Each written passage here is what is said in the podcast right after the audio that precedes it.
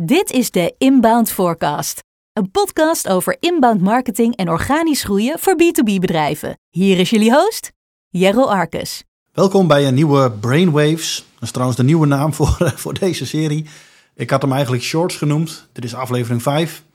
En in aflevering 4 kwam ik erachter dat uh, eigenlijk deze afleveringen steeds langer worden en dat het uh, de naam Shorts niet mag hebben. Het zijn eigenlijk allemaal een beetje hersenspinsels van mezelf. Dus uh, ik vond de naam Brainwaves wel leuk. waar ga ik het vandaag over hebben? Over um, de afzender van content en de relevantie van het tot stand komen van die content. Um, er is een onderwerp waar ik de laatste tijd, de laatste weken, heel veel over nadenk. En um, wat ik ook best wel interessant vind. En het gaat wel een klein beetje alle kanten op, dus kleine waarschuwing vooraf. Um, we bekijken de inzet van AI voor contentcreatie vaak vanuit het perspectief van de marketeer. Dus wanneer kunnen we of willen we AI inzetten en hoe goed is de output? Maar we consumeren natuurlijk zelf ook continu content. Tenminste, ik wel, heel veel. Heel veel ook uh, werkgerelateerde content.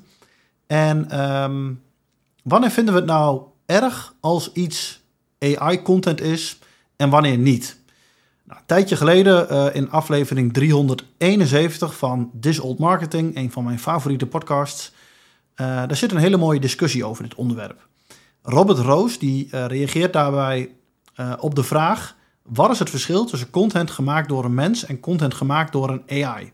Als beide uiteindelijk net zo waardevol zijn. En het antwoord wat hij geeft is: The human is part of the value.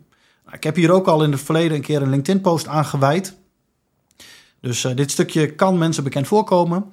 Um, maar voor Robert zit dus de waarde net zoveel in de mens achter de content als in de content zelf. En ik moet eerlijk zeggen dat ik er eigenlijk in het verleden niet echt op die manier naar keek. Uh, hij geeft ook een voorbeeld daarbij van een boek van Stephen King. Hij zegt: Een boek van Stephen King is waardevol omdat het een boek van Stephen King is. Um, niet enkel om hoe goed het vooral zelf is. Nou, we bouwen natuurlijk allemaal relaties op met individuele content creators, personen die bij een bepaald bedrijf werken. En dat maakt content van die personen of in sommige gevallen ook bedrijven extra waardevol. Joe Polizzi die gaf in diezelfde podcast ook een voorbeeld. Hij gaf aan dat hij volgde iemand op uh, Twitter volgens mij. Toen bleek dat alle content van die persoon door een AI werd gemaakt. Niet deels, maar volledig. Nadat hij dat hoorde, is hij gestopt met het volgen van die persoon.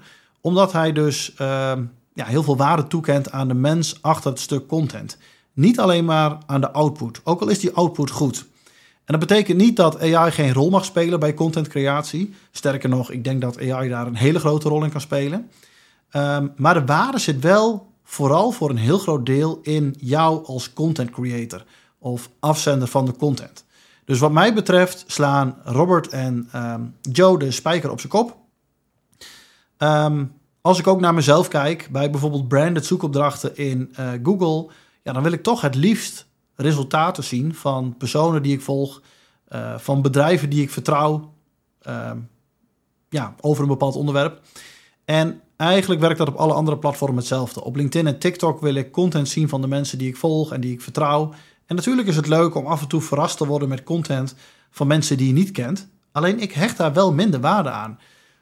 Um, en dat uh, die bedrijven of personen op de achtergrond AI inzetten om content wat sneller te maken of net wat beter te maken, dat vind ik niet erg, zolang het maar wel hun verhaal is. En dat brengt me eigenlijk ook op het volgende, en dat is uh, in de praktijk zie ik eigenlijk heel veel marketeers, heel veel copywriters, heel veel content creators AI inzetten in hun creatieproces.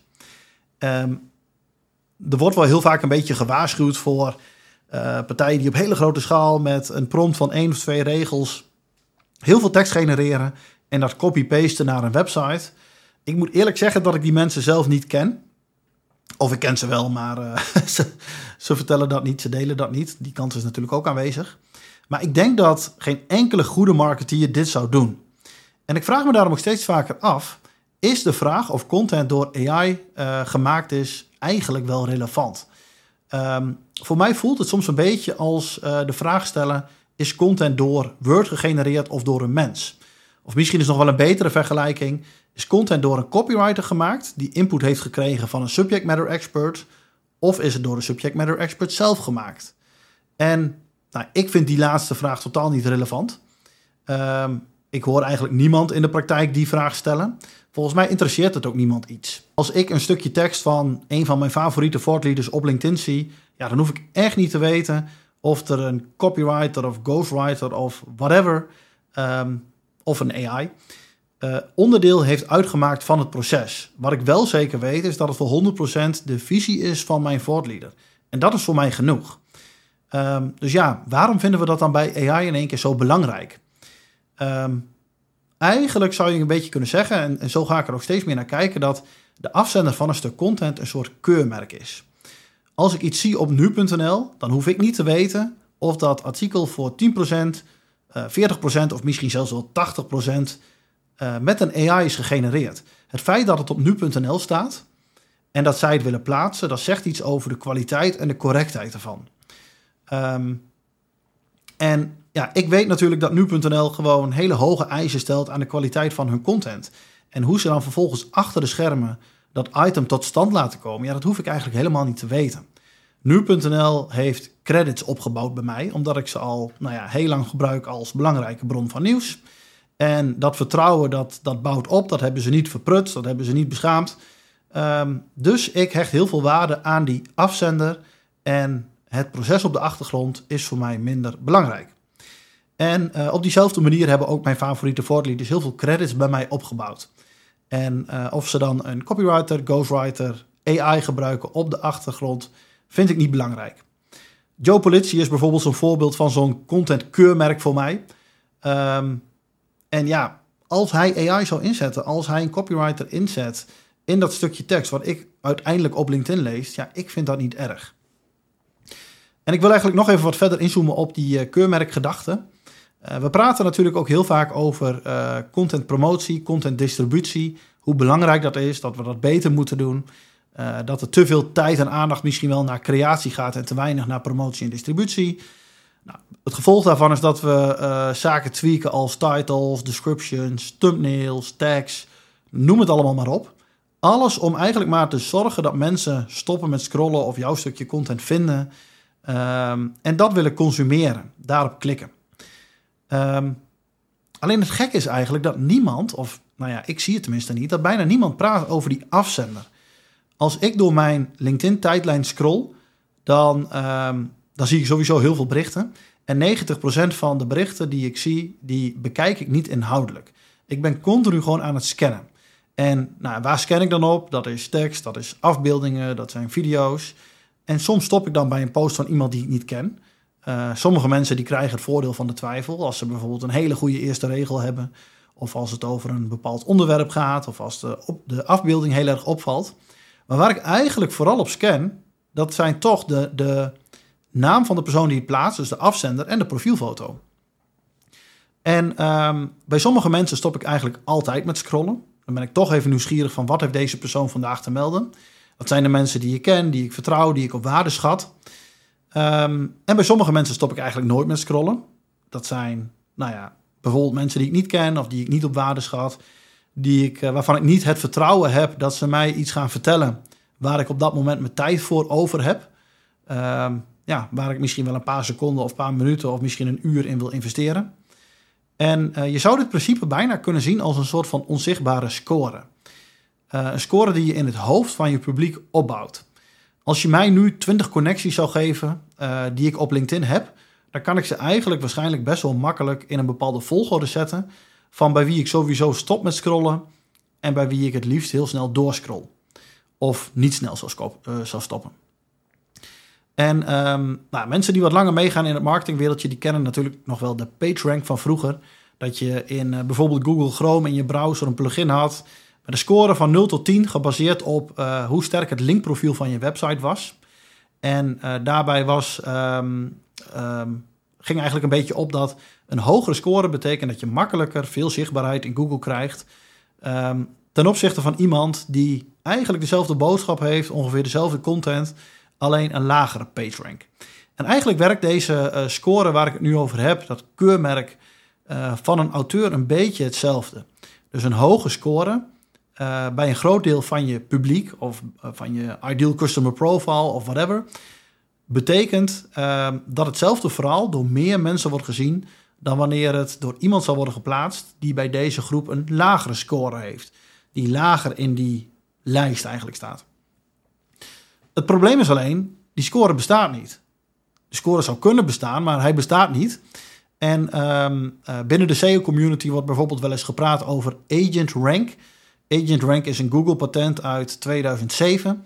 En uh, daar wordt over gezegd dat het potentieel je rankings voor pagina's uh, positief beïnvloedt op basis van de identiteit van de auteur, de editors, de, de reviews van die pagina. Dus eigenlijk de mensen erachter, de afzender.